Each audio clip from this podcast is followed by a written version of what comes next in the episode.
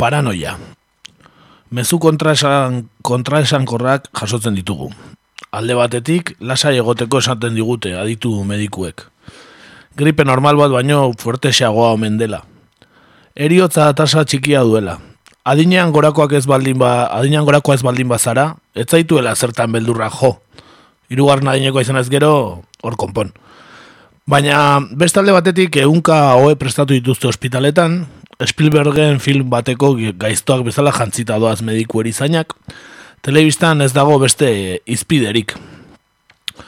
Lancet aldizkari medikuak e, epi, epidemia gabe infodemia bat dela esan du.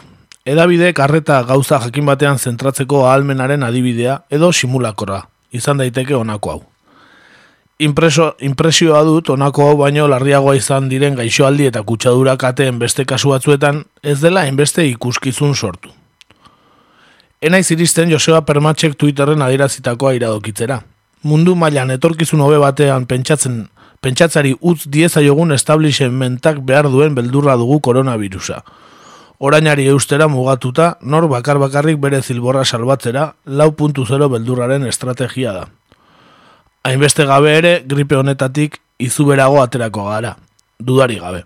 Herrialden arteko jende mugimenduak agian zorroztuko, hau Angel Errok aurreko estiralean, paranoia izenarekin berrian argitaratu zuen, jira zutabean. Oraindik Euskal Herrian virus honekin kuntsaturik inorretzegoenean. Orain amaika dira eta bat eh, oso larri Nafarroan gainera. Hemen hasten da, gaur, egur. Guten Tag, meine Damen und Herren. Muslims entering the United States. C'est la lutte contre le terrorisme. Katea ez da eten. Agirre, garaikoetxea, leizaola. Gaur egur. Gaur egur. Gaur, egur. jolasten eta enredando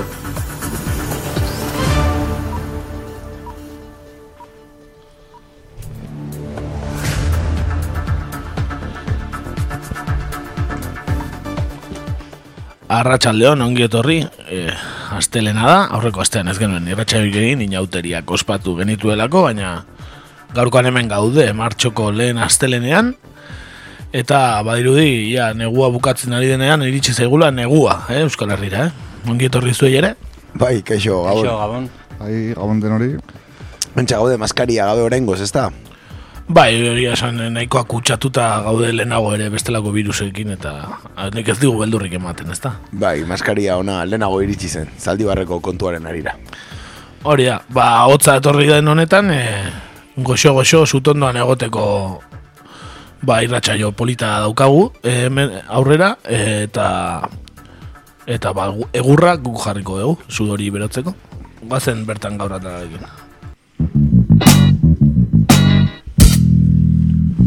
Bertan gau.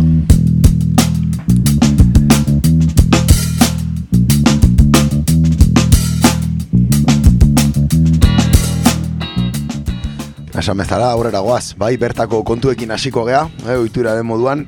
Eta gaurkoan, bueno, gure gizartean errotzen ari diren putre funtsei buruz hitz egingo dugu. E, gure hirien eraldaketan paper garrantzitsua jokatzen duten talde finantziero hauek aktualitatera asalto egin dute Euskal Herriko lareun da irurogei familia etxegabetze arriskuan egon daitezkelako.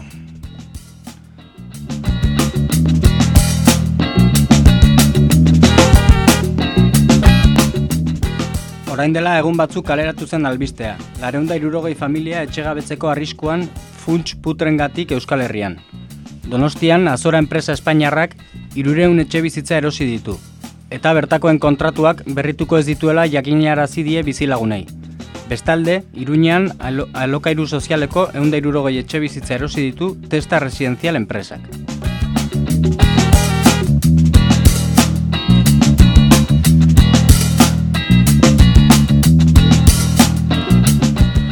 Bueno, ez dakit noiz baititzen genuen e, e, putre funtsa hauei buruz irratsaioan, baina bazen garaia bestela, eh? Bai, Eh, bai, zarka agertzen dira noiz baitez, baina gaur hontan zentratzen ga, ez da?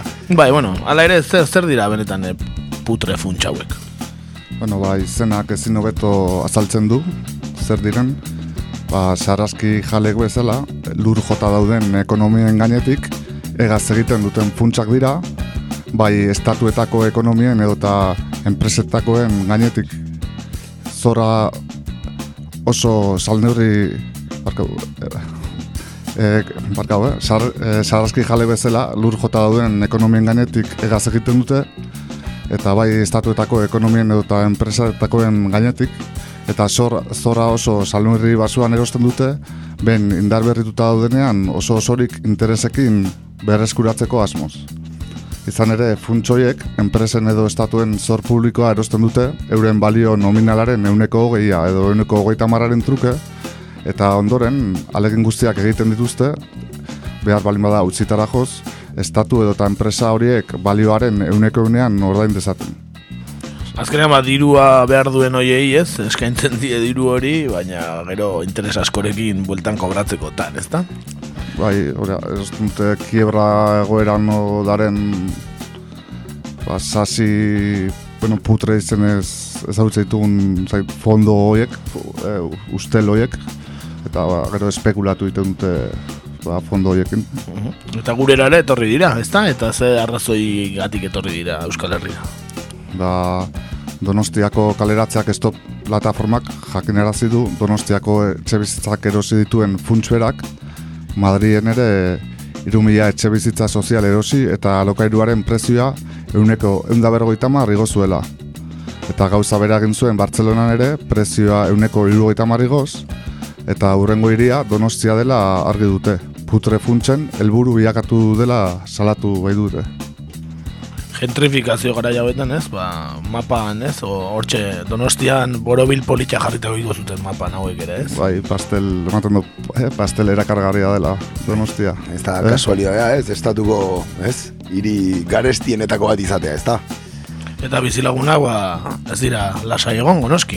Hori da, ba, bizilagunak ardura aututa saldu dira, izan ere, irureun etxe bizitza horietatik, e, gehienek, zeireun eta bedeatzireun euro arteko alokari badute, baina badaude mila seireun eurotara heltzen direnak ere eta prezio igorerarik egonez gero horiek ordaintzeko aukerarik izango ez dutela azaldu dute.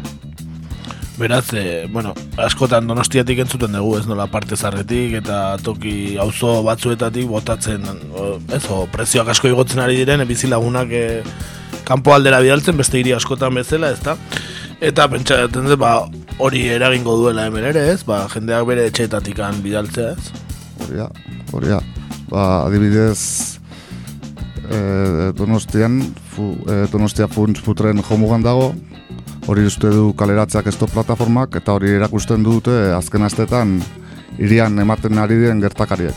Izan ere, e, benta berriko berunda, osea, bostunda amar familiek e, Blackstone eraldoiaren aurka duten gerari parte zareko, goroseko eta giako iruren familiaren boroka batu zaio astontan eta, bueno, aipatzearen imobiliaria baskongada igiezinaren erosketarekin, e, azora funts putrea familia horien etxe bizitzen alokatzaia biakatu da, eta multinazionalak beste leku batzuetan izandako jokabidea ikusita, haien etxe gabetze arriskua erreala dela azpimarratu du kalereatzak estopek, eta plataformako kideen arabera funts putre hau eraso koronetako bat da, eta estatu mailan jarduten dutenen artetik, ez? Eta Madrien, sate baterako Madrien, alokairu sozialean zeuden irumila etxe bizitza erosi ostean, bertako biztan lehen alokairua, e, un, euneko eunda berrego itamar, igo dutela gogoratu dute, eh? Mm -hmm. Gara gaitezen izenarekin, ez? Azora, da, e, Funz putra eta inmobiliara baskonga da, atzean dagoena, ez? E, bueno, norbaitek etxeren bat alokatu edo zer bai begiratzen ari baldin bada mobiliarian batean, ba, jakin ezala inmobiliaria baskonga denatzean zin dabilen, ez? Azora, kasu honetan. Bai, ez, eta, bueno, ja, azora ipatzen hasi gela, azorak erosi dituen etxe bizitzak e, grosen, amaran eta agian daude, eta bizilagunek azaldu dutenez, duela zenbat hilabete inmobiliaria baskongadak, maizterren alokairuak berritzeari utzi zion, kontratuen amaiera burofax bidez notifikatuz. Eta igi ezinaren jokabidea legala zenez, hainbat bizilagunek euren etxe, bizitzatik alde egitea erabaki zuten, baina beste askok borrokari ustea erabaki dute. Betiko kontua ez, batzuk, e, bueno, hemen legea berea alde dago eta ez daukagu ez iraztegoik eta ez dute borrokatzen da beste batzuk uste dute borrokarekin zer lortu dezaketela ez? Hor, kasu agian e, adibide bat da Bentaberri auzoarena, ez da? Hori da. Donostiko Bentaberri auzoko kasua aipatuko dugu zaik oso esanguratsua da kasu hau ez. E, Eusko Jarularitzak sustatu zituen Bentaberriko babes ofizialeko etxe bizitzak, baina Blackstone inbertsio funts estatu batuarrak eskuratu egin zituen, eta zortzi urte barru etxe horien alokairua nahi eran igual izango dute, zer nahi duten prezioa jarriko dute. Eta hori zaiesteko eskatu dute bizilagunek Eusko Jarularitzari. Eta pizka kontauko dugu zer dan Benetan, eh, kristona, eh? eh? etxe bizitzakin, ez? E, gaina beti nola saltza dituzten politikoek, ez? Olako etxe bizitzak, ez? Dianak... Bai, behar sozialak asetzeko eraikiko ditu, eta bar, eta azkenean... Bai, eta gero... Okerrenaren eskuetan bukatzen da. Blackstone iristen da, eta venga, aurrea. Eta fondo publikoetatik e, eraikitako hori da, hori da. etxek diela, eh? gure dirukin eraikitako proiektu die, eta gero ikusten dut nola espekulatzeko ba, urte batzuk mantentzen dira ez? Ba, behar zuten familia hoien eskuetan baina gero ikusten dugu ez? Ba, funtsonek erosten duela eraikuntza osoa ez? Bai, bai. eta hori ba, mila behatzen da lero eta malauan Eusko Jaularitzak benta berrin alokairuko babes ofizialeko posteun da berrogoi etxe bizitza eraikitzeko lehiaketa sustatu zuen Metro Bazesa eta Bai Hermoso enpresei adjudikatu zien eta irugoita magost urterako azalera eskuidea eman zieten. Donostiako udalare lehiaketara aurkeztu zen eta etxe bizitzen adjudiko azeari elegitea jarri zion prozesua etzelako behar bezala egin. Ordea epaitegiek etzieten arrazoia eman, eh? osea, arrazoia enpresei eman zieten. Eta mila bederatzen dara eragoita mazortzian, zozkatu egin zituzten bentaberriko babes ofizialeko bostun da etxe bizitzak, eta maiztarak kontratuak sinatzen hasi zirenean ez usteko batekin topo zuten. Promozioa iragarri zutenean, alokairu bidezko etxe bizitzak izango zirela zioten, eta amabi urteren ondoren, etxe horiek erosteko aukera egongo zela. Aurrera gordea, aukera hori kontratuetatik ezabatu zuten kasualidadea ben ere seguruenik ez da eta 2016an egoera nabarmen aldatu zen Testa residenzial digiezinen enpresak eskuratu zituen bentaberiko babes ofizialeko etxe bizitzak eta alokairuen prezioek gora zuten.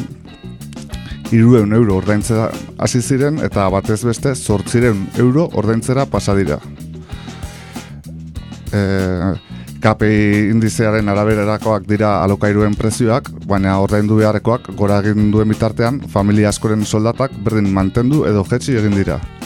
Ezin izan dituzte etxe bizitzak erosi, baina hipotekatu gara. Familia askok e, berreun mila euro, baino gehiago ordaindu ditu hogeita bat urtean. E, osea, ja...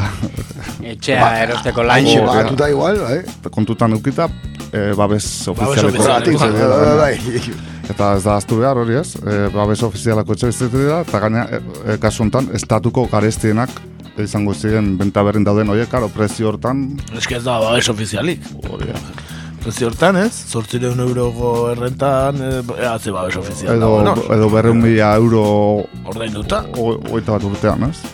Osea, ongo da etxe bizitza librek, pentsatzen inguru hortan, inkluso garai baten merke gorosi aldi izango zutela. Dudik ez izan, bai, igual oraingo merkatuan ez, bueno, hor txibiliko da, baina orain dela amagost urte, ez, edo gehi urte, ez du pentsatzen horrelako izango zanik, ez, presio.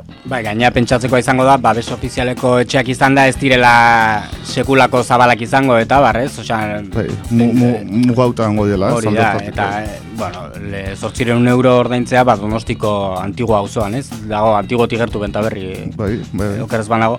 Eta ba hor normala da zortzireun ordaintzea beste leku askotan hortik gora ez? Baina vamos babes sozialeko gutxi zuten ja ez? Duela irurte bai, eta Pizata ipatzaren duela bi urte Blackstone inbertsio funts estatu batu erosi zuen testa residenzial digiezin enpresa eta 2008 zortzigarren urtetik aurrera etxe bizitzek babes ofizialeko izaera galduko dute eh? eta horrek bizilagunen egoera kaltetuko du. Kontratuak bertan bera utzi izango dituzte eta alokairuak nahi eran igo. Eta, bueno, ba, aipatzaren, ba, hori Eusko Jaurlaritza ematen du gara ez da biela bendikan, ez? Arazoari heltzeko. Ezagi igual kampainan orain zeo zer, eh, ez, eh, esango dute, honi buruz, eh, alderdi desberenak edo, ez, egingo dute zearen bat, ez, eh, nola? Zinen bat edo. Bai, segurazki, ez, segurazki. Gero beteko ez duten zerbait, ez? Bai, komunikabidetan da izan e, gehiagi... Ez da zabaldu, ez. Betiko eta mentzet gehiagi ez da zabaldu, eh? E, bueno, argia eta beste batzuk izan e, zo reportai interesgarriak indituzte, eh? hemen informazio gehiena argiatik atea dugu. Eta... Bai, e, zeren gaina hori, ez, irureun familia ematen du daudela arriskuan, kasu honetan, zeren e, e, funtsa geratzeko intentziarekin etorri dela ematen du. Hori, ja. Ba, zora funtsak 2000 eta amairuan babes ofizialeko irumila erosi zituen Madrien, eta maizter gehienak kanporatu zituen errentak euneko eun baino gehiago igo ondoren. Eh? Osea, ikusi dezakegu zer datorken donostiko bizilagunei, eh? Eta Bartzelonan ba, berdin jogatzen ari dira. Eh? Eta ba, donostia garbi, garbi ikusten da zerta etorri diren hauek, eh?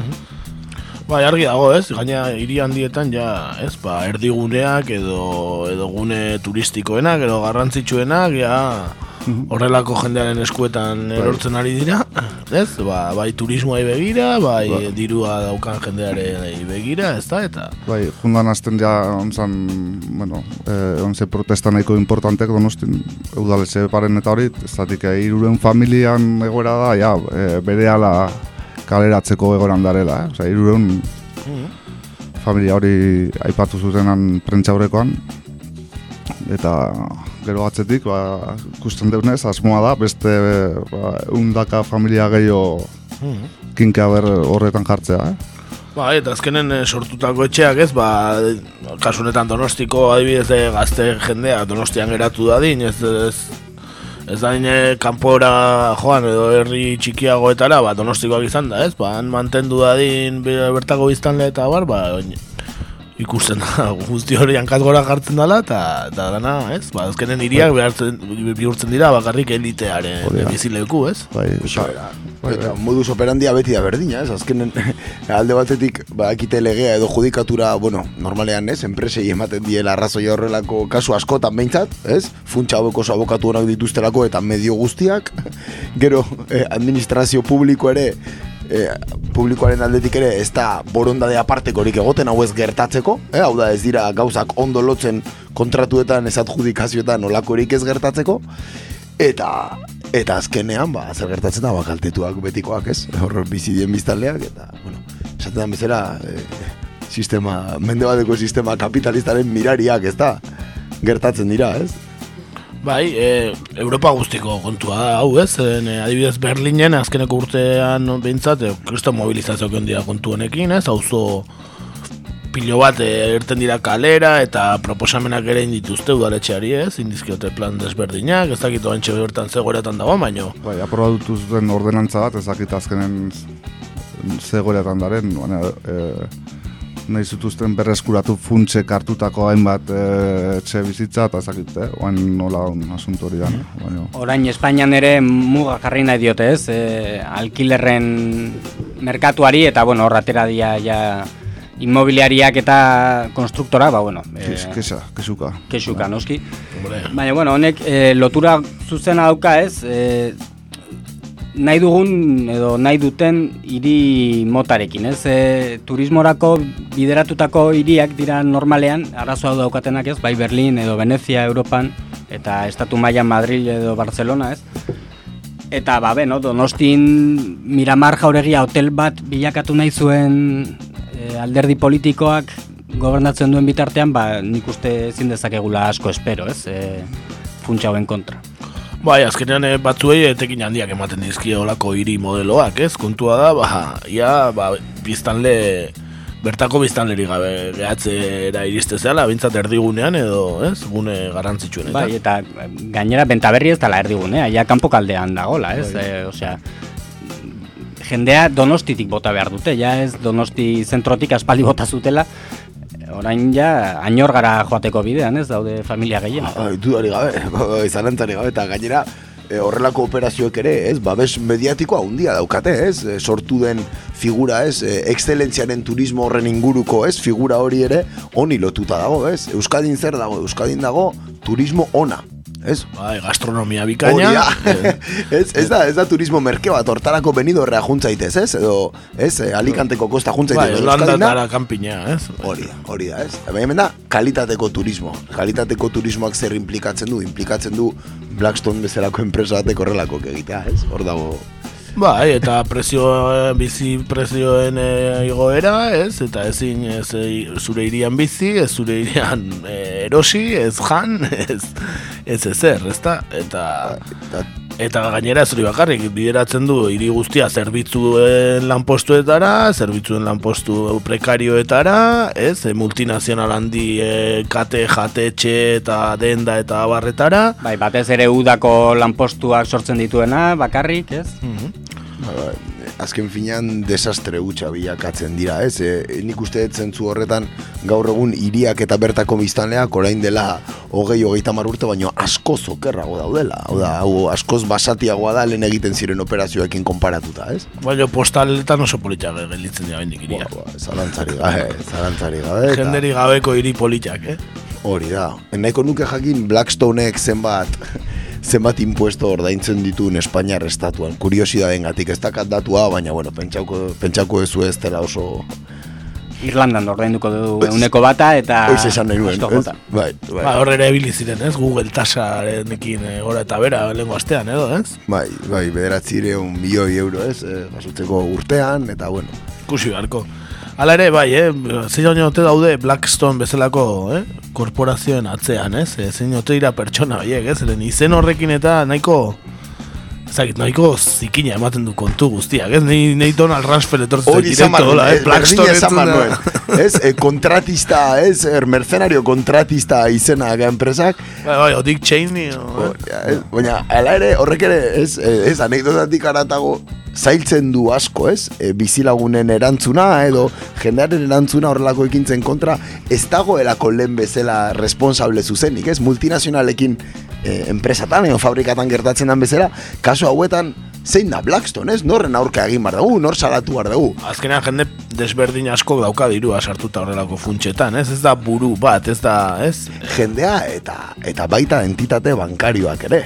Noski. E, Ez, esan edo, etor, ez, azkenean, edo nor bilakatu daitekeela konplize horrelakoetan, ez? Bankuek horrelako inbertsioak ere egiten dituzterako. Eta agian bankuak ere salda, ez? Akzioa salditzakete horrelako funtsenak, ez? Agian jendeak erosten ditu akzioak e, jakin ere egin gabe ba, horrelako funtsa gaudela atzean, ez? Eta banku horiek ez dabiltza oso urrun ere, ez, eh? ez dut pentsatzen oso urruti biliko direnik, eh? Bai. Ez dut pentsatzen atzerriko banku multinazional handi horiek izango direnik, ez? HSBC eta horrelako akizu mitiko horiek ez dut pentsatzen horiek bakarrik izango direnik, ez? Bai, bueno, begiratu behar, eh? kutxabankek eta ze, ze, ez? Ze kontu dituzte. ez dituzte. Ez. Horiek bakarrik armatan egiten dituzte inbertsioak, ez? Bai, horiek Armamentu herriaren kutxak dira, ez da? Da. Ja, ja ez, baina bai. Euskadin hori, venga, nun bizizate.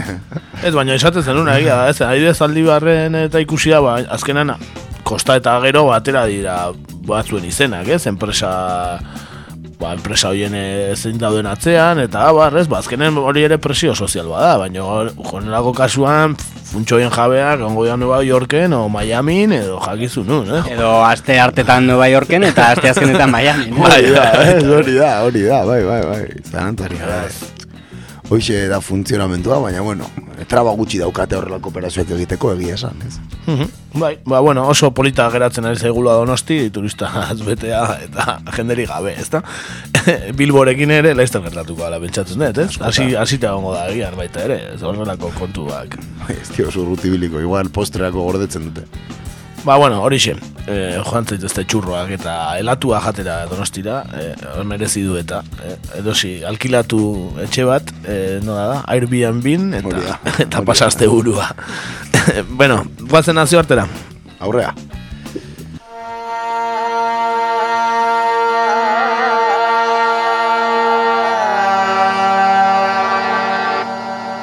Nazioartean gaur.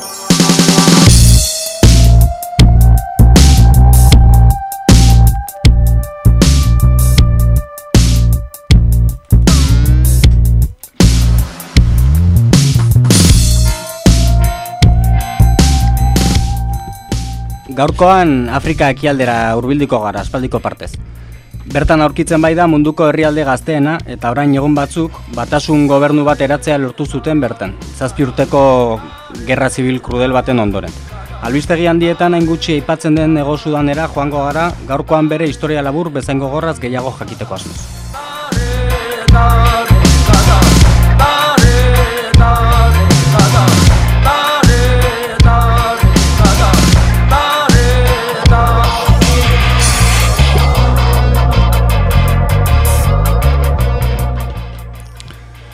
Ego Sudanen batasun gobernu bat izango dute, Riek Matxar buruzagi matxinoak otxaiaren hogeian jakinarazi zuenez.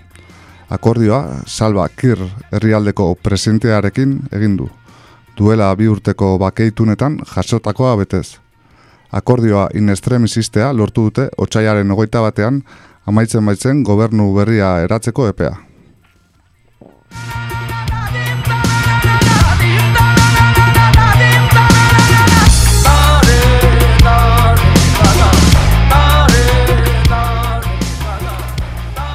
Herrialdeak 2008an lortu zuen independentzia, baina 2008an gerra zibil batean murgildu zen. Kirrek matxar presidente ordea kargutik bota baitzuen. Gatazka horretan, lareun mila lagun inguru dituzte. Egun, egunotan, adostutarikoaren arabera, buruzagi matxinoa batasun gobernuaren lehen presidente ordea izango da. Gobernu berriak helburu handiak izango ditu, nazio batuen era, erakundeak pasaden astean adierazi baitzuen bakea auskorra dela.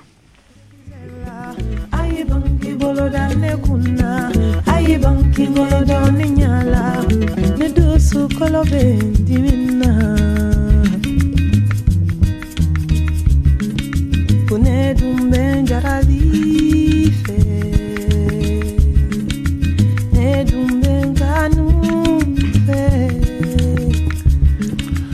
gerra amai ezinean sudan, ez da, eta historiari arpaso pixkat egingo diogu, ea nundi datozen gatazka luzea, ez da? Bai, bai, luzea eta oso luzea, bai, esan daiteke ere, bai, egia da informazio gutxi iristen dela, ez, ego sudani buruz, lehen komentatu dugun moduan. E, bueno, kokatzeko esan dugu munduko herrialde gazteena dela, bai, 2000 eta maikako urtarrian burutu zen e, autodeterminazio erreferenduma, e, ego, bueno, sudanen, bai, ego sudanen kasu honetan, Eta bueno, emaitza ofizialen arabera, euneko laro gehieta emezortziak independentziaren aldeko boska eman zuen orduan. 2000 tamaikan e, hilabete atzuk ondoren, bai, sei hilabete geroago ustaian sudanetik banatu zen, eh, ego sudan, eta bere hiriburua jouba irian e, ezarri zuen. Ideia bat egiteko, ez, tamaina eta edo e, amabi milioi eta erdi biztanle bizidia bertan. Bai, amabi koma os milioi biztanle. Baina, bueno, gerraren kontua e, aspaldikoa da. Baina e, zabalera amabi milioi bizi diren arren handia izango da, ez? E, gogoratzen baitut lehen Sudan osoa zenean Afrikako herrialde handiena aura zen. Hori da, bai, beko esango nuke eren bat edo hartzen duela, bale? Lehen Sudan zenaren eren bat edo, eh? ekstensioan, eta bai, bai, oso lurralde ekstenso bada, eh? Amabi milioi eta erdi bizitzeko, Afrikan dauden poblazio kondensazioak ikusita, ez? Ba, bai, bai, bai, eh? estensoa da, bai. Nilo pasatzen da, ez? Sudanetik. Niloa, bai. Bertan eh, jaiotzen da. Hoxe da, ez? Bertan jaiotzen da Niloa, bai, eta, bueno, hoxe, Alejandria araño juten ondoren, ez? E, bueno, gerraren kontua aspalditik dator, oso aspalditik, bai, e, Sudanek, bai, mila bederatzerun da berrogeita maseian, oso atzera jungea, Egipziar eta ingleseki, inglesekiko independentzia lortu zuen, Eta, bueno, ba, egoaldeari, gaur egun ego sudana den e, lurralde horri, ba, autonomia promesa desente egin zitzaizkion orduan, baina, bueno, ondoren ez ziren bete, eta honek ja tentsio bat sortu zuen, e, bueno, horri gehitu behar dugu banaketa erligioso ere existitzen dela. Bai, iparraldea musulmana da, e, oso majoritarioki musulmana da, eta egoaldea kristaua eta animista da. Beraz hor badago banaketa erligioso bat herrialde berean, e, hasiera batetik. Bueno, eh, esan bezala, autonomia promesak etzien bete, erligio gatazkak ere bazeren, eta berrogeita maseitik, irurogeita mabia lehen gerra zibila izan zen sudadenen, eta bueno, gerra amaiera, ba, bueno, akordio bat lortu zen, autonomia gehiago emanez egoaldeari. E, hor bai lortu zela, baina bueno, ikusten ez dute ama urteko gerra zibil baten ondoren. Larogeita iruan, bai, Gafar Nimeiri koronela e, boterean zegoen, eta bueno, zuzenbide penalera edatu zuen zuzenbide musulmana. Bai, herrialde osorako, baita ere kristau eta anim, e, animistentzat. Eta hor piztu zen bigarren gerra zibila. Bai, e, laro gehieta iruan hasi zen eta bi mila eta bi arte iraundu zuen. Eta bueno, bi milioi hildako inguru, egon ziren, e, ba bueno, hogei urte iraundu zituen e, gerra zibil horretan. 2005ean bake akordio bat sinatu zen, eta hegoaldeari sei urtez autonomia zabal bat eman zitzaion, ondoren erreferendum bat egiteko aukerarekin. Esan bezala, hoxe, 2008an independentzia e, lortu zuen ego sudanek, eta bueno, estatu batuek aurreko sei urteetan, e, bueno, aukera hau sustengatu zuten, independentziaren e, aukera, bai, eta bueno, infrastruktura desente eraiki zituzten hortan laguntzeko, edo bueno, viabilidade bat emateko proiektuari, bai? Bueno, independentzia lortu zuenen, Ipar Sudanek onartu zuen, bai, eta nazioarte gehienak ere lort, eh, onartu zuen eh, herrialde berri hori, eh, go Sudan. So So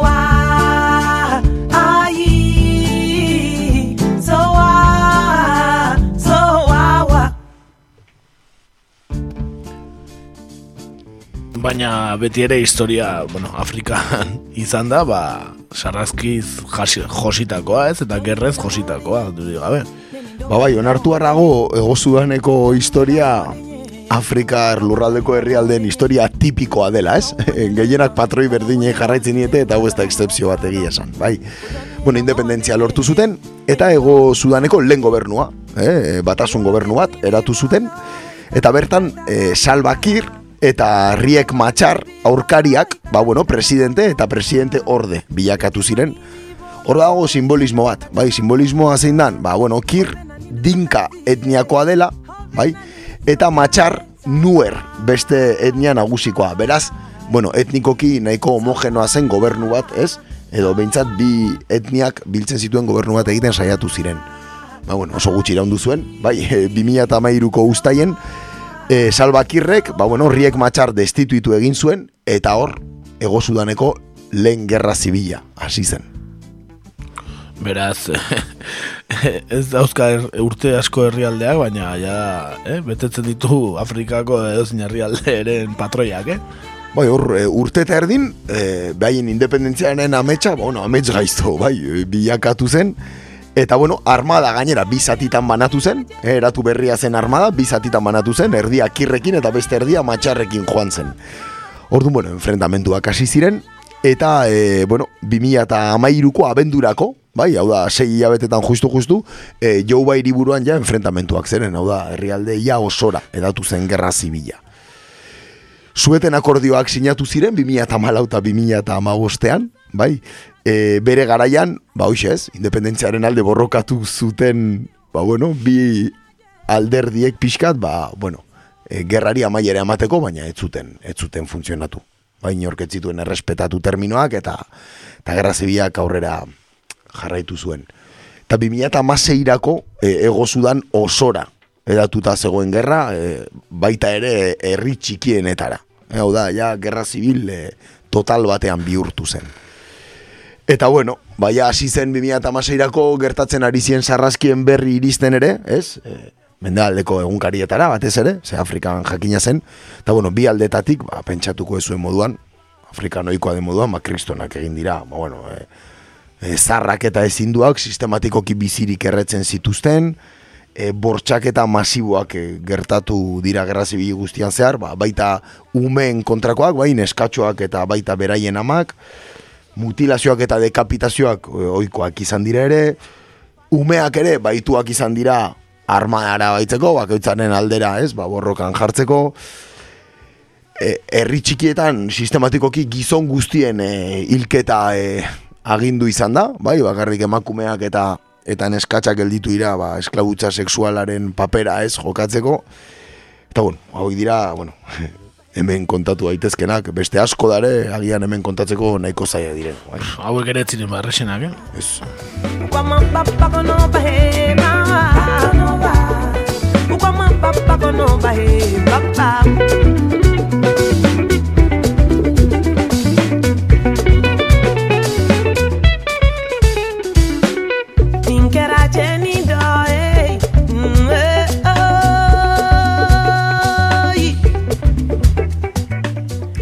Egin diren sarraskiak aipatu ditugu, baina sarraski horiek ere utziko zituzten ondorioak eta zenbakiak ere bai, ezta?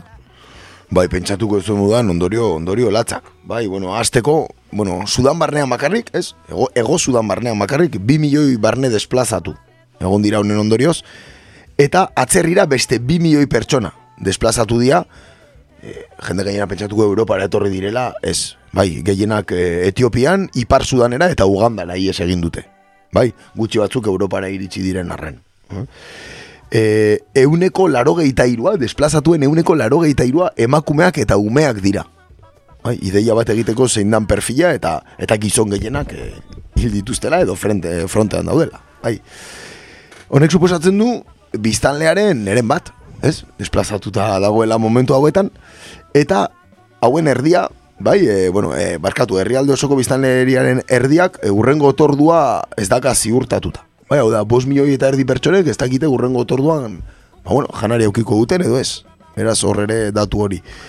E, nekazal gunea gaina, erabat suntxituta gelditu die, gerraren gatik. Eh, sistematikoa izan da ere nekazal lurrak suntxitza, ez, etxaiaren lurretan.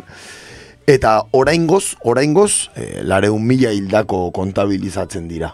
Bai, gerra zibil honetan. Beraz, bueno, hortxe datu oso oso potoloak. Bai, Afrika izaten diren modukoak, ez? Bai, bai, bai, eh, lehen esan bezala, da Afrikako, ez, herrialde baten gerrazoiaren garapen, bueno, tipikoa, ez? Bai, kontua da beti iristen zaizkigula sarraski hauek hogei urteko atzerapenarekin Europara, ez? Albisteak eta kasu honetan, ba, lehenago eta momentu ia oraingoa izan dela, ez? Bai, akaso errefusiatuen, ez, eh, kontuak ere horretan komilatarten inzidentzia ere izan du, ez? Ego sudaneko jende esente iritsi delako Europara ere, eta bueno, ez, hor beti fokalizatzen dalako ze perfiletan, ez, e, kokatzen diren iristen direnak, ez? Akerra zibietik, ez, o, Yemenetik, edo, ez, Bangladesetik, edo, ez? Ba, ikuste torrek ere, zeo ze, bueno, zer ikusia du, edukial izan duela. Kelele zinima fila farala Kelele balema fila farala Hala ere, historia pixkaterre pasatu dugu eta pentsatzen dut, e, e, ipar sudanek ere izango zuela bere papela kontu guzti honetan, ez? Eta ondoko herriek ere, ez? Bai, hor, egia nazioartean, bueno, nahiko tentsio egon dira, egia da ipar sudanek ere hor komila tarten estabilidade bat irabazi duela, ze euneko laro gehieta emezortzia ipar sudanen musulmanak dira. Bai, orduan eh, erligiosoki eta baita etnikoki orokorrean nahiko herrialde homogeno bezala gelditu da. Bai, ego sudanek egiten zuen homogeneizazio hori pixkat nastu, ez? Edo hori da, hautsi egiten zuen, ez? Orduan, ipar sudanek pixkat nik usteet kontu guzti hau ikusi duela, bo, bueno, gradatik, ez? Ez bada iritsi dien errefusiatu guztien gatik. Baina tira, lehen bere biztanlegoaren parte ziren ere, ez? Orduan, bueno, hor dago, ez? Ipar sudan eta Eta Egipto bezalakoak ere, zer beti izan dut erlazio sudanekin, ez? Bai, bai, Egiptoren kasuan ez dakitzea azmeat ze, ze jarrera auki duten guztionen inguruan, eia errefusiatuen kontuarekin jende gutxik egin duela alde Egiptora. Bai, orokorren ipar zuaren gelditu dira, edo Ugandara jundira, edo Etiopiara, bai, oza, e, herrialde limitrofetara, ez, e, ies egin dute. Bai.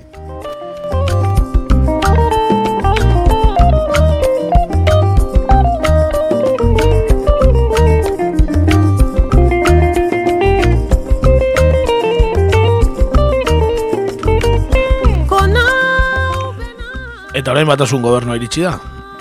Bai, bai, iritsi da, bueno, geizki eta berandu ez, baina, bueno, iritsi da. E, bueno, berez, 2018an e, sinatutako bake akordioaren ondorioa da, bai, orain eratu den gobernu hori. E, bueno, bake akordio horretan, ideia atiteko estatu batuek, erresuma batuak eta Norvegiak parte hartu zuten, bai. Eta, bueno, batasun gobernu hau, ba, bake akordio horren kondizioetako bat zen. Eh, beraz, bueno, hor nahiko presionatuta sentitu ira bi aldeak. E, bueno, esan barra dago ere bietan atzeratu dela e, Riek Matxar presidente ordea, e, ba bueno, ez, e, ofizialki nombratzeko saiakerak, bai, e, aurrek urtean, maiatzean eta azaroan nombratzekoak izan ziren eta azkenen negoziazioa utxi egin zen. Beraz, irugarrenean lortu dute batasun gobernu hau, eta otxaiaren hogeita bian egin zuten ofizial, e, bueno, plazoak espiratu, baina hogeita labordu lehenago. Bai, e, hogeita iruan e, akordioa usten zen. Beraz, bueno, in extremis. Eta esan barra dago, e, Riek Matxar ez aparte, ba, beste, beste lau presidente orde gehiago ere egongo direla. Bai, tartean, e, Rebeka Garang egongo da, e, nor da Rebeka Garang? Ba, John Garang, buruzagi independentista historikoaren alarguna da. Bai, zuanen prestigio handia izan zuena, ez? Independentzia gerran eta hegoaldean. Eta, bueno, ematen du bere figura pixkat batasun irudi hori ere, ba, indartzeko eta bultzatzeko e, erabili nahi dutela. Eta gero bada beste datu bat, orain presidente orde bi, bilakatuen matxar, bai, riek matxar, e, iesean zegoen 2008-tik. Bai, justu-justu atera mentzan konbate batzuetatik, eta asko esaten dute hori, Kongoko Errepublika Demokratikoan egon dela e, izkutuan, nango gobernuak e, izkutatu duela edo.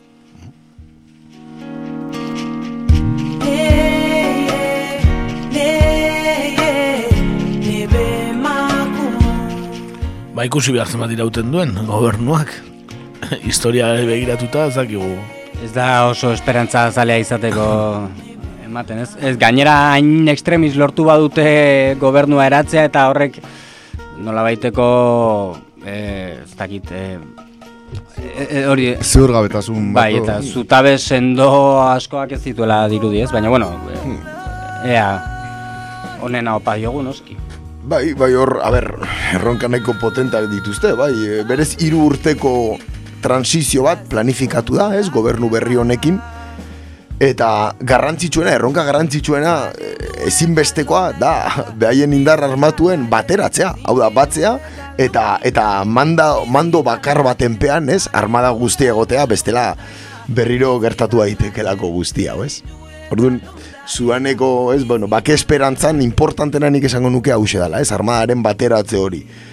Gero ere, bueno, kirtemide eman marko diote krisi humanitario haundi honi, ez? Nola egingo duten, e, nazio batuek herrialdea berrera ikitzeko, bai, fondo bat sortu dute, bai, eta dagoeneko, espontaneoki, berreunda hogeita marmila exiliatu bueltatu dira, bai, jakinda bake akordioak aurrera egiten duela, hmm, ideia bat iteko.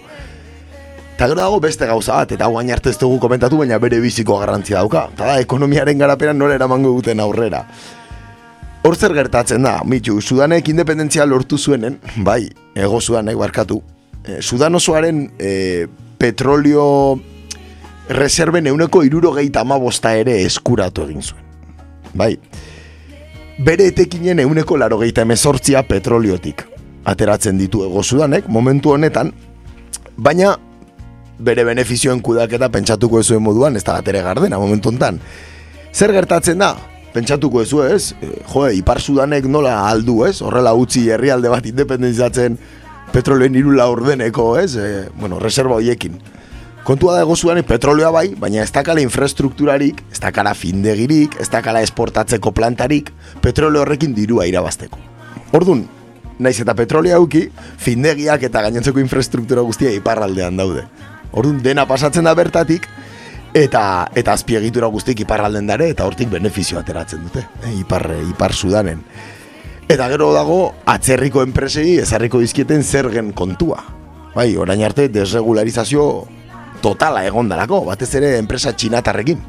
Ean petrolioa ateratzen duten enpresa txinatarrekin, bueno, beraien etxean bezala ibili omen direlako, ez?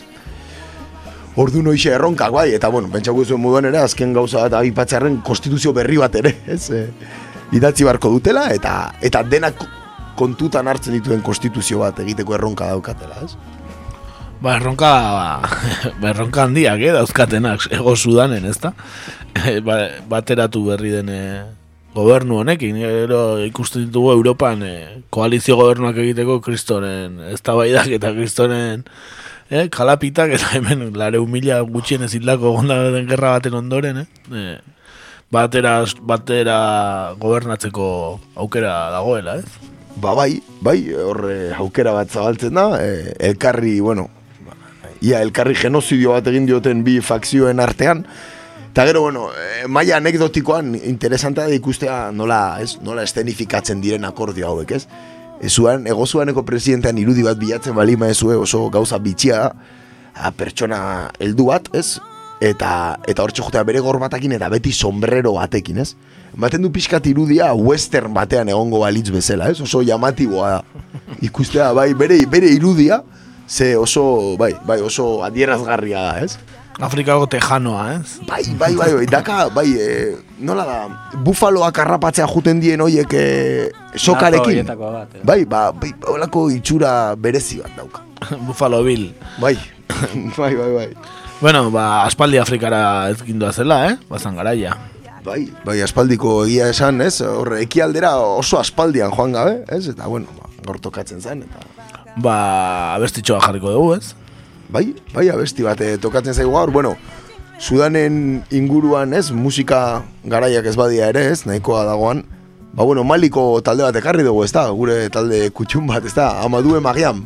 Bai, ala da, ala da, bikote itxua, eh? Hori da, bai, eta lape, bai, bakea, bueno, Afrikan bakea aldarrikatzen duen eh, abesti bat entzungo dugu. Oazen ba, amaduen marianekin.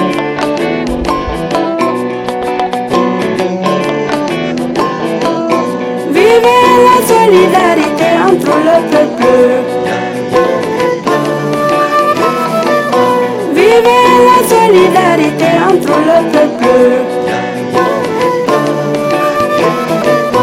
Malien, Ivoirien, Ivoirien, Burkinabé, Mauritanien, Sénégalais,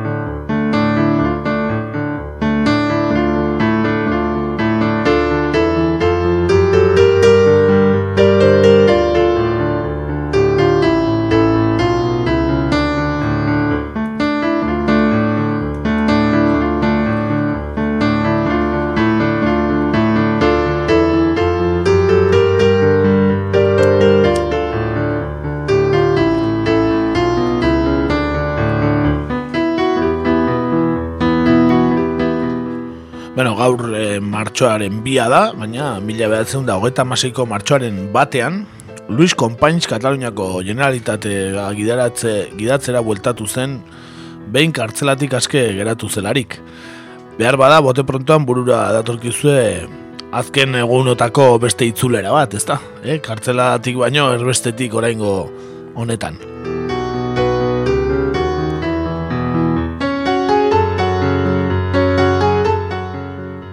Edo nola ere, bai Companys eta bai Puigdemonten egoeraren antzekotasun edo desberdintasunetan gehiegi sakondu gabe, efemeride hau aprobetsatuko dugu Compagnsen irudia jorratzeko, eta dagoeneko aski ezago, eh, dagoeneko aski ezaguna bada ere, ba, Luis Companys, hemen txedu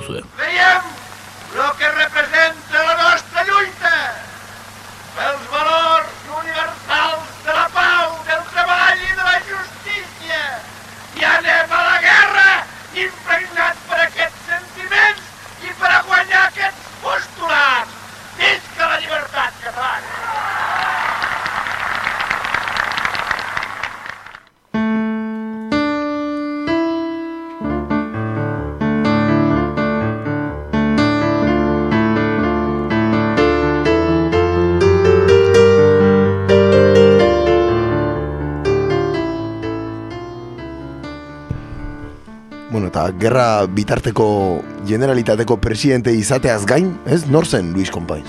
Bai, bueno, ba, entzun duzuenez, e, izlari benetan ona, ona ere bazen ez, eta oso errotorika ba, zuzena eta mamitxua zeukan. Baina, beno, e, Luis Companys nekazari etxe batean sortu zen, Lleidako probintzian, eta zuzenbide ikasketak burutu zituen Bartzelonan, ez? E, gazte-gaztetatik errepublikaren alde e, postulatu zen, eta La Lucha izeneko egunkarian zuzendari izan zen, ez? Bertatik plazaratzen zituen ba, bere iritzi eta usteak.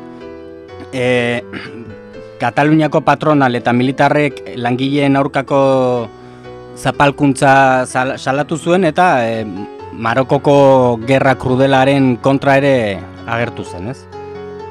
E, mila bat da hogeita garren urtean, e, Eskerra Republikana de Katalunia alderdiaren sortzailea izan zen, eta bere ibilbide politikoa Bartzelonan hasi zen, ez? Bertan hautatzu zuten zinegotzi, eta momentu hartan, ba, errepublika aldarrikatzea tokatu zitzaion, ez? E, apirilaren amalauan. Eta, beno, gero bertako e, alkate eta diputatu ere izan zen, ez?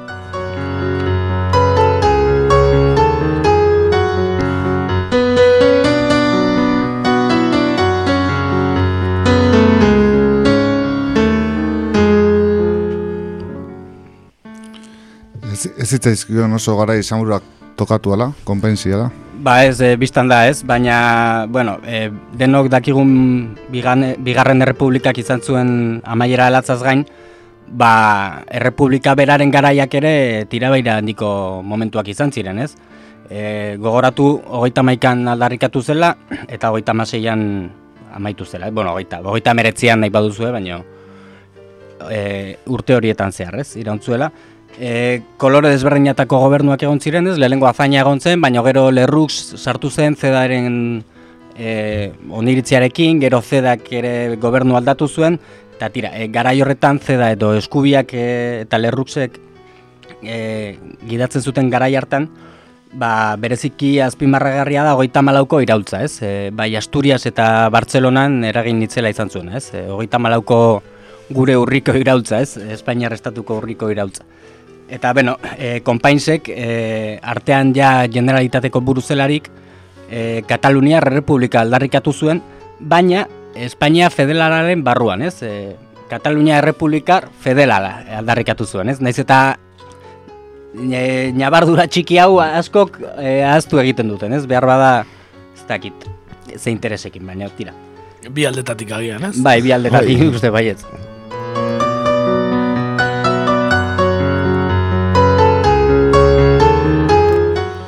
Barkatuko jazu galdera inozoa, baina nola erreakzionatu zuen estatu Espainiarrak. Bai, ba, bueno, nahiko inozoa ez, erretorikoa ere izan ziteken, ze ez daki beste modu batera reakzionatzen.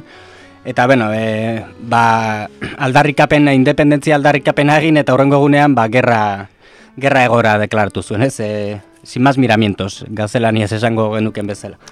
Eta, ba, gerra egoera deklaratuta, armada bidali zuen, e, etxaiak atxilotu eta, bueno, etxaiekin bukatzera, eta konpainz atxilotua izan zen, Bartzelonan, eta bide batez, bertan eh, azaina zegoen, hola, anekdotikoki, e, juntzen funeral batera, eta han aurkitu zuten, eta baita atxilotu egin zuten, ez? De paso, antzegoelako, baina, bueno, gero hau e, libre geratu zen, ez?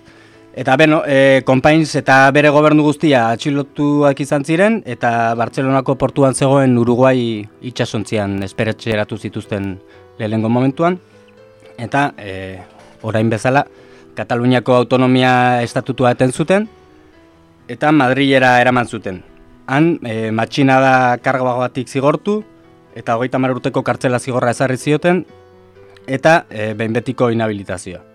Eta Kadizeko Puerto de Santa Maria espetxera eraman zuten ondoren. Klasiko bat, eh? Bai, hori da. Bai, bai, bat klasiko ere bai, ez? Eh? Bartzelonako portuan barku bat egin zen famatu, ez? Gara jazken urtetan ere gala gertatu zen. Ba, eh? hoja de ruta. Bai, bai, Berdina, ez? benetan. Total. Oza, gauza batzutan historia errepikatzen da,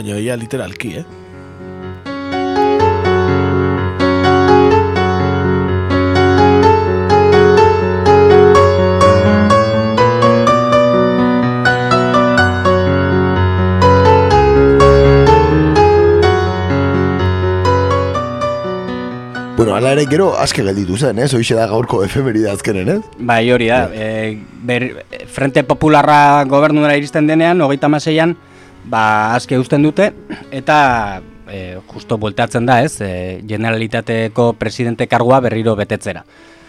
Baina, e, ez zion asko irango dakizuenez, e, momentu hon honek izan ere hilabete gutxira altxamendu fascistarekin topo egin behar izan zuen, eta beno, de, ondoren datorrena sobera ezagutzen dugu, ez?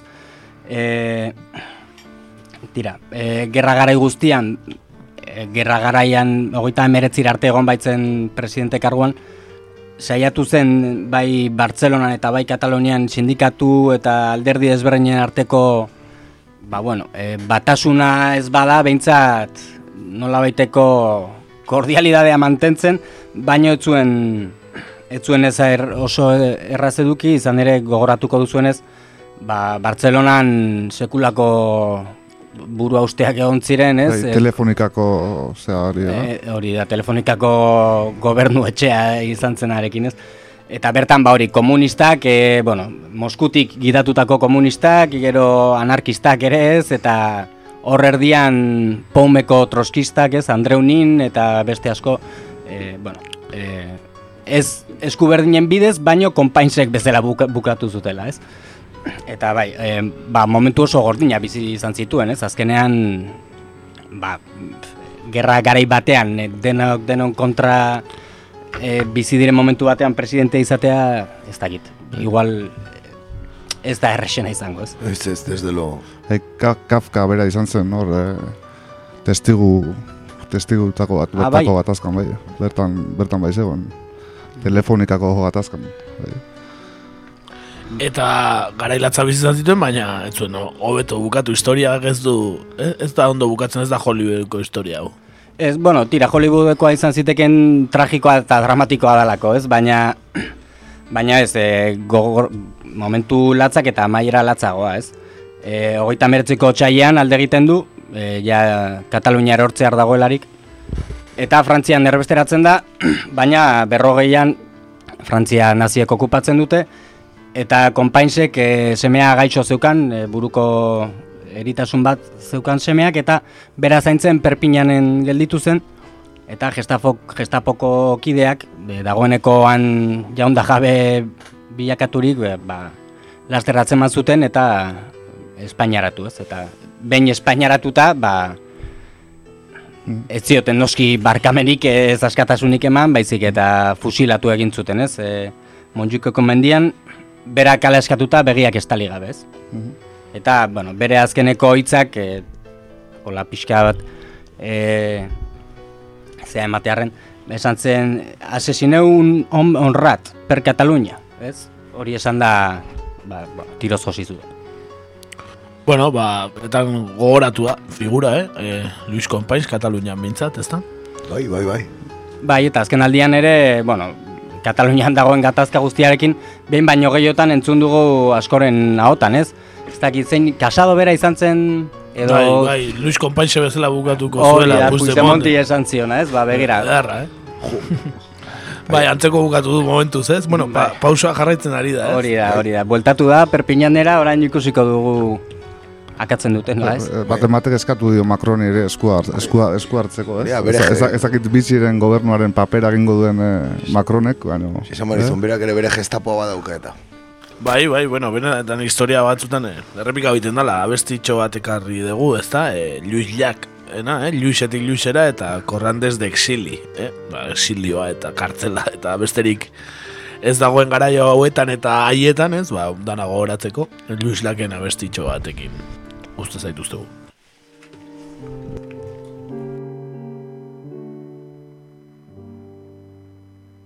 Una nit de lluna plena tramuntara amb la carena lentament sense dir res. Si la lluna feia el ple, també el feu la nostra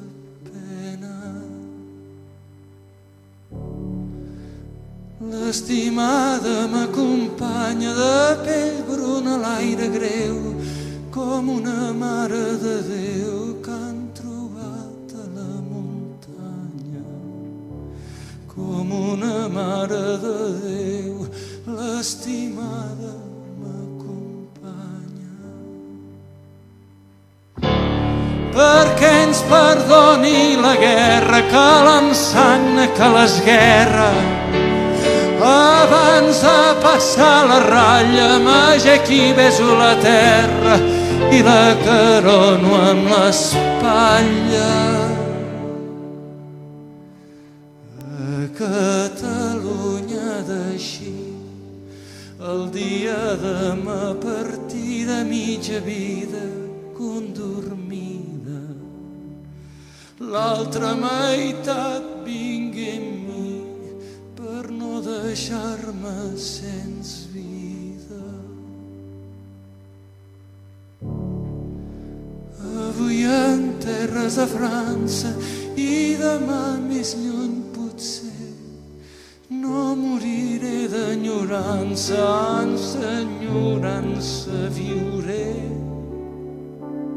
En ma terra del Vallès tres turons fan una serra quatre pins, un bosc espès, cinc quarteres massa terra, com al Vallès no hi ha res. Els pins senyeixin la cala, l'ermita dalt del Pujol i a la platja un tenderol que bateix com una ala.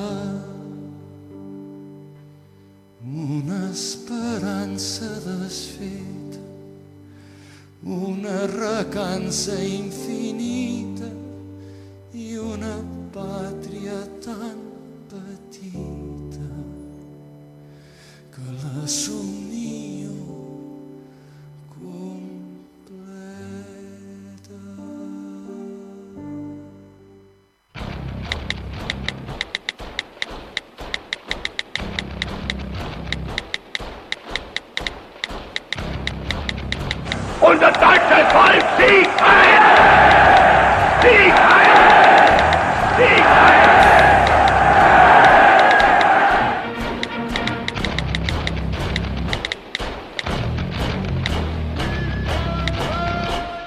Kratos SSA.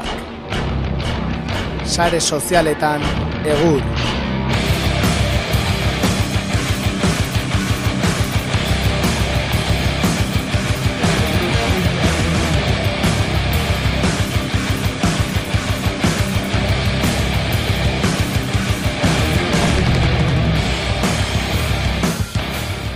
Bueno, badatoz SSA eta gaur bero datoz. Bai, gaurkoan, bueno, sare sozialetan aspaldi espero genuen berriari buruz arituko gara. Zein izango te dan? Zein, zein.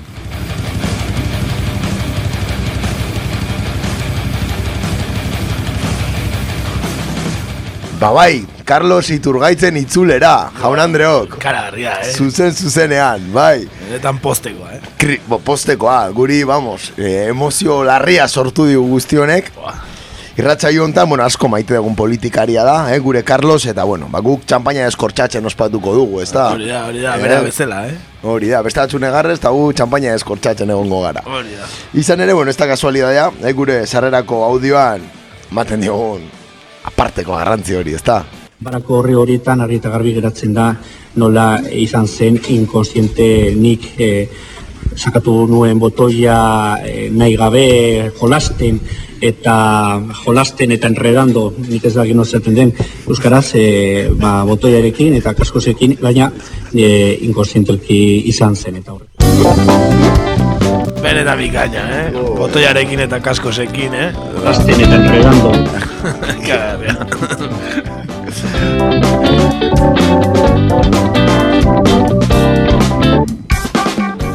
Bai, eta audioan entzun dezuen bezala, Carlos Iturgaitz Euskal Herriko politikagintzara itzuliko da.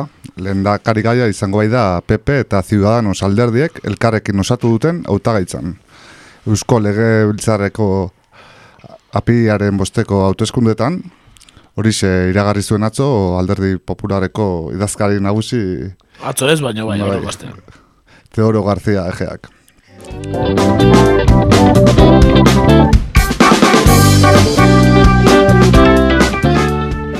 Politikara ilusioz itzuliko dela azaldu du iturgaitzek, askatasuna konstituzioa eta Espainia defendatzeko erreferentea gara gur, gure euskal lur maitean.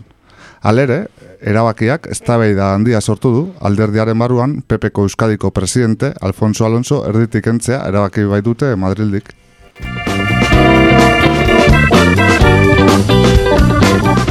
Ba, benetan jugada bikaina, iturgaitz bueltatzen da, Alonso etxera bidali dute, ba, eske, nola ez dugu ospatuko. eh? Que gure aldetik, vamos, eh, babes osoa eta, ez? Bai, bai. A ber, eh, da Mariano Rajoy juntzenean ja pixkat ez umezurtz gelditu ginela, ez? Eta kasu hontan, ba, bueno, ez pixkat gure identitatea rekuperatzen dugu, ez pixkat. Bai, bai, benetan, eh, ikaragarria, guri gaina, esan behar da, iturri gara por todo lo alto esaten da, eh, ja, utzi dizkigu lehenengo perlak, eh, benetan bikain, eh, toreroen pare itzuli da, eh, benetan, eh, Ate da por la puerta grande, sartu da, sartu da garren, eh? Bi belarriak guztana eta dena, eh? Ba, bai. Hostia. Ba, komunikabide guztietan oi hartzuna izan du, hori ere esan behar dago, eh? Hasita gu bezalako irrati libre batetik, eh, eskuin muturren eraino, eh? Egia esan, eh? Hori behintzat ezin zai ukatu, eh? Jende guztia dakiela zein den. Eta jende guztia pozik dago, bueltatu delako, gaina. hori da, hori da. Bai, bai, bai, bai, kuriosa da, modu baten edo besten dena pozik, eh? Bai, bai, eh, komunikabide askotan egon da bera, eh, zuzenean izketan. Adibidez, egon da, interekonomiako partxe duen piratarekin. Erakitzen zein da. eh? Autentikoa, autentikoa, entzun dezagun piratarekin, eh, iturgaitz, eh, interekonomiako piratarekin. Hola, muy buenas noches. Don Carlos, su designación ha alegrado, es verdad, a todos los que quieren que España siga existiendo como nación, pero ¿cómo es que ha terminado siendo precisamente usted el candidato? Bueno, soy candidato porque el presidente del partido, Pablo Casado, me llamó eh, para decirme que la Dirección Nacional había decidido que Alfonso Alonso no fuera el candidato del Partido Popular en el País Vasco a las próximas elecciones autonómicas y que me había pensado en mí y que me ofrecía el puesto de candidato, al cual yo inmediatamente le dije que era un honor que me hacía muchísima ilusión 22 años después volver a, a, ser el candidato del Partido Popular en estas elecciones y que yo intentaría hacerlo todo lo, lo posible, lo, lo, mejor posible por eh, esta nueva coalición de Partido Popular y Ciudadanos y, y también por, por el País Vasco y por España. Claro que sí.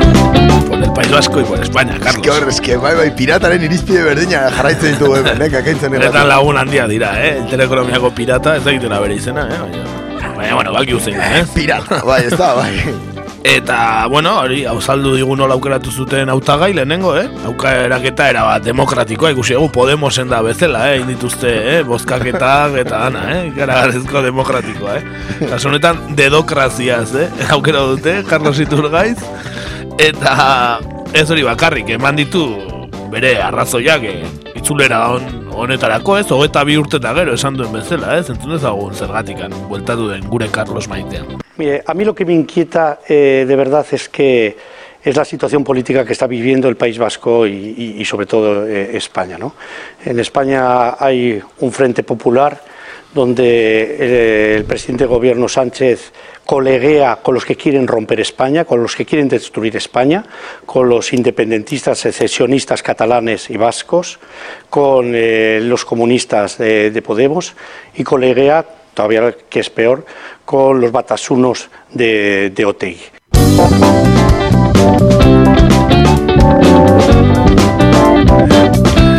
Zondo hitz egiten duen gure Carlosek, eh? Que picalla! Ba, komunistas batasunos, eh? secesionistas, independentistas, catalanes, bueno, bueno. bueno. Dominio, ikaragarria, hauka, izkuntza Masones falta izan zaio, ez? Hor, bai, bai. agian...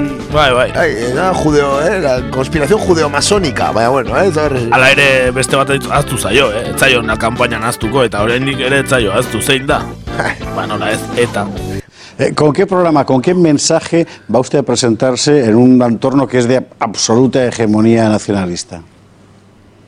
Es cierto, hay una hegemonía nacionalista, terrible hegemonía nacionalista, donde o eres nacionalista en el País Vasco o te incomodan mucho la vida, ¿no? Tanto es así que cuando algunos están diciendo todavía en el, en el País Vasco, no, es que ya ETA no mata, sí, ETA no mata, pero ETA no no te deja vivir todavía, porque ahí están tantas y tantas personas que no pueden decir claramente que yo voto al Partido Popular, al, a, Ciudadanos eh, en, esa, tierra. Hay tantas y tantas personas eh, que no pueden colocar una bandera española en, eh, el balcón o en la ventana de sus edificios porque le hacen un escrache. Bueno, ikusten da denbora asko pasadola Europan, eh, Carlos? Bai, bai, bai.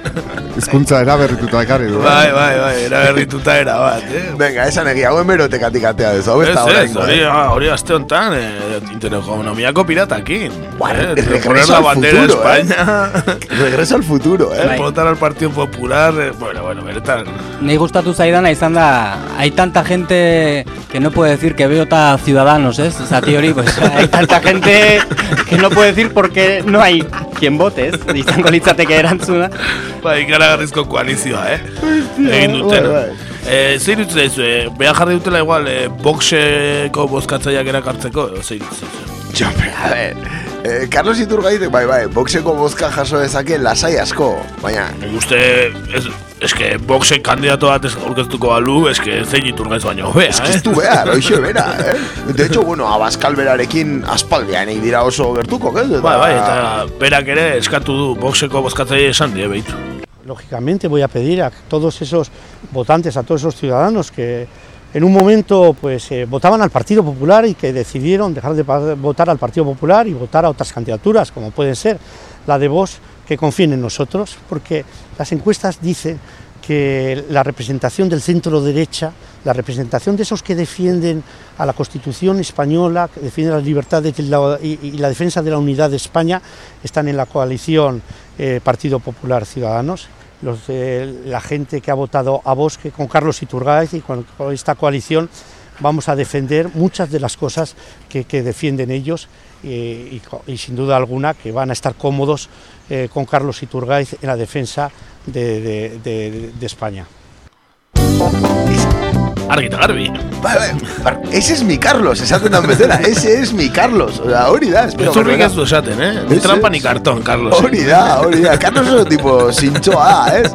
A ver, gero egia batzutan ez, bueno, jolasten eta enreando, ez? Baina, bueno, gero tipo zintzoa da. Bai, bai, boxekoak komodo ongo deala behakin, argi eta garbi, hori, hori ez dago dudaik, ez? Eta zalantza diaten, ez da?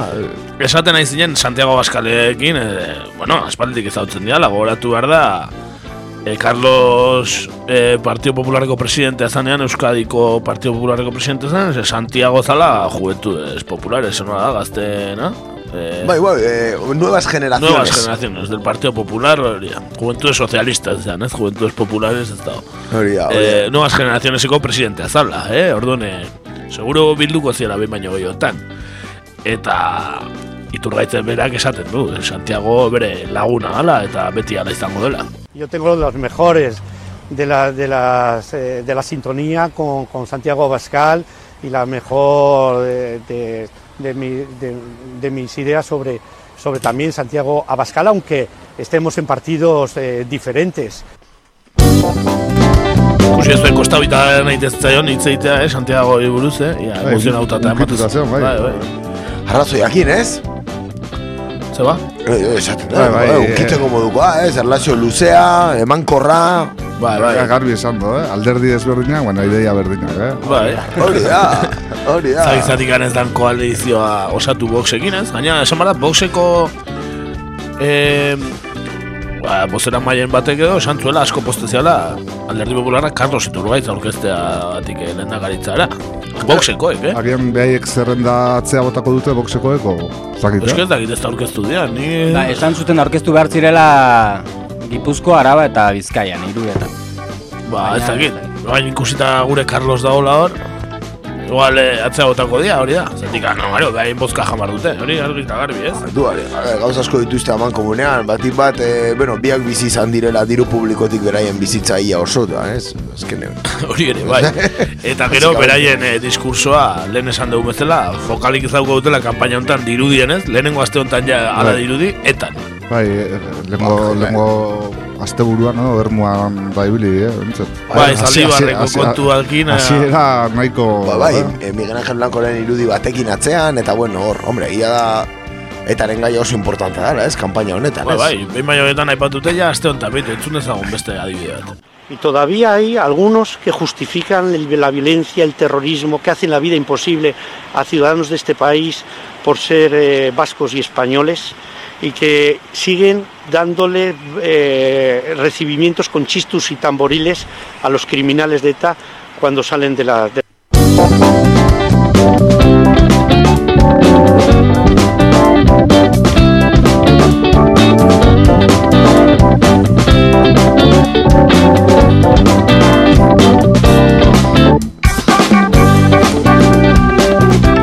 Con txistuz idan moriles, eh? Bai, urrengoan hobe dute akordeoiarekin joan, eh? Ongi etorritaka. Bai, piezan bat igual, ez? Hor, eh, Carlos joko digu, igual, kanpaina honetan piezan bat joko du, eh? Argiatzen dena, dominio handia daukala euskal e, instrumentu eta eta musikaz, ez? E, zatikan hori, esaten duzu bezala, akordeoia igual ateako digu paseatzera, ez? Bai, de hecho, eh, talde pila batek bere behin inspirazioa Carlosengan hartu zuten, maetzakit, esne beltza eta guzti horiek hor eh, ikasi dute, Bai, bai. Carlosekin. Eta Euskal Herrian e, famatua da, ba, baina akordeoilari ona izateatik, baina ez Euskal Herrian bakarrik, entzun ditzagun, Jimenez Los Santos eta Isabel San Sebastianek nola aipatzen duten zeinen ona dan e, iturgaitz e, akordeoia jotzen eta gauza gehiagotan entzun. y, y- y mucho ánimo. Yo se lo agradezco y espero verle muy pronto y además me, me encantaría saludarle personalmente. Pues muy bien, hasta pronto. Muchísimas gracias. Bueno, pues estaría bien que ahora le lleve el mensaje a Carlos Herrera, ¿no? Bueno, Y es que tal y como va, me va a decir Carlos, pero fósforo, que dice fósforo. No has dicho, Federico, no has dicho que ada- además de tocar el acordeón, Carlos Iturgaiz, que es muy buen amigo desde hace muchos años, canta triquitrisas. Es que lo de las Carlos Iturgaiz yo canta reconozco que para mí era una que será novedad, que yo claro. creo que es lo que Mm. siempre han dicho en Zaragoza, en la universidad, que es donde yo, esas guarradas que luego copia Echeminga Dominga, o sea, que, que yo pensé que eran, lo que siempre se dijo, jotas navarras, muy subidas de tono. Bueno, muy, muy pues subidas de esto, tono. Pues triquitrisas son un, un- algo parecido sí. en vizcaíno. Sí. Y, y Carlos canta, toca el acordeón, canta triquitrisas, habla muy bien vascuence, es Sí. completamente bilingüe y es un tipo absolutamente encantador, o sea, que, que se lleva muy bien.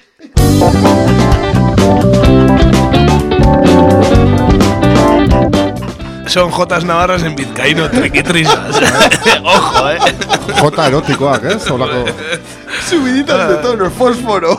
Argi dago, ondo, ondo akite zerran, eh, trikitixa, eh? Hostia. Eta gaina, es totalmente bilingüe, eh? es totalmente bilingüe gure Carlos, eh? Bueno.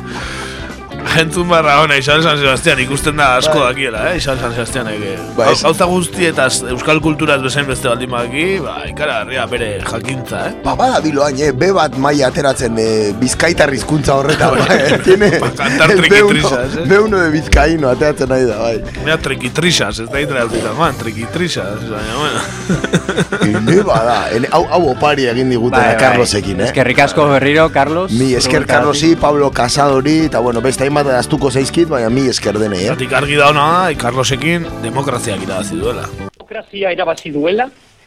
Demokrazia irabazi du zeren eta porcentaje eh, urnetara joan diren euskaldunak, eskotarrak oso altua izan izan da eta nik uste dut hori dudarik gabe demokraziaren garaipena izan dela.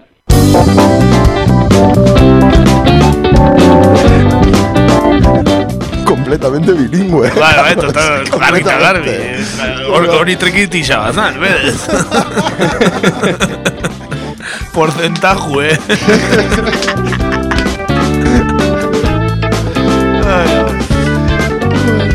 Ez que bizitzak ematen ditun, eh? Zoriontasun hauek, eh? Car Carlosen itzulera hau ikarar, eh? Gaina ez dakit Europan ze pintatzen zuen. Bilingüe izan da han gauza gutxi ez. Hemen ondo komunikatzen da, baino Europan inglesik eta frantsesik jakin gabe, ba, Claro, claro. hobe dago Euskal Herrian, no? Claro, bizkaitarra hitz egiten, da, Eta trikitisak abeste, Zinio, eta- eta fos, fosforoarena egiten, ez da?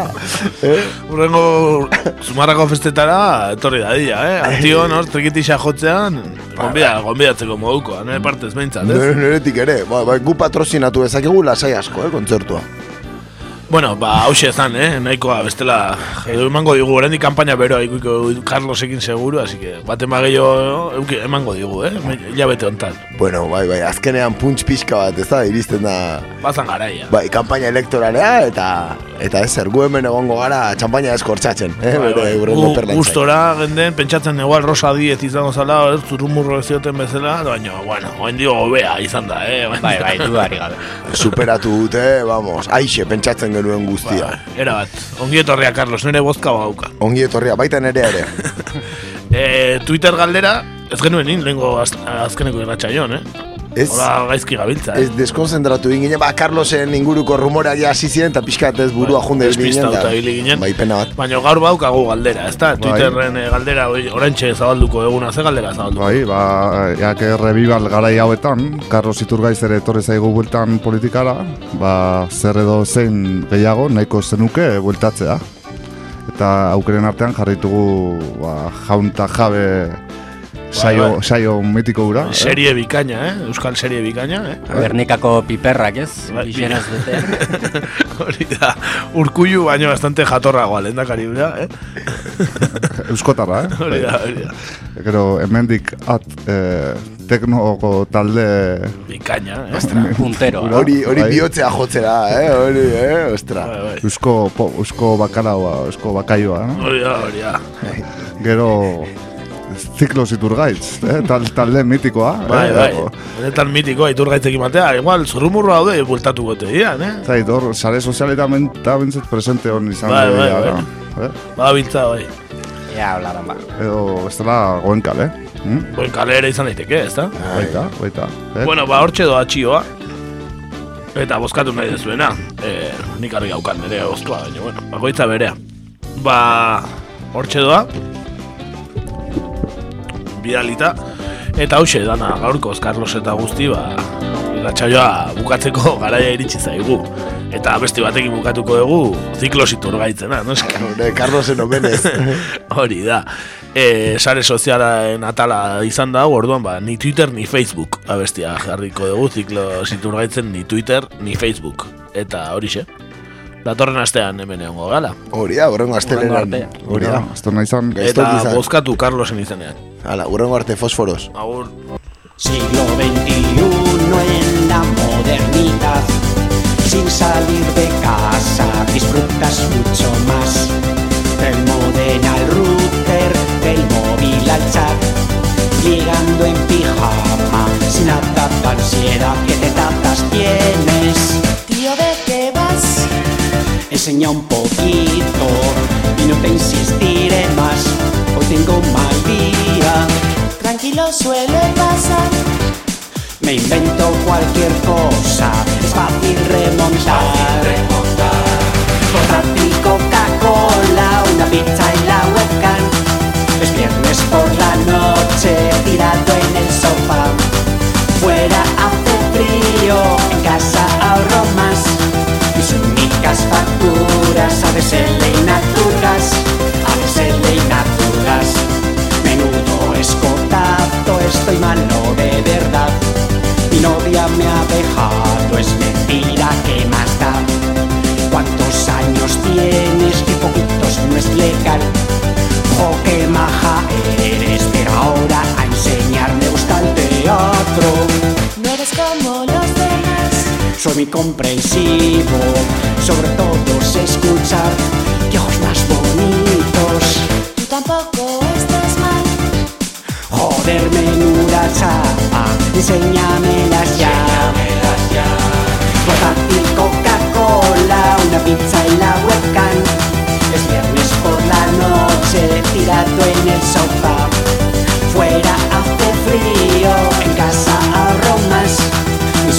Únicas facturas, ADSL y Naturgas. El Facebook es un timo, el Twitter como va. A mí me mola el Messenger, fácil para usar. Que Twitter ni que Facebook, que viva la webcam. Ayer le di las tetas a una subnormal.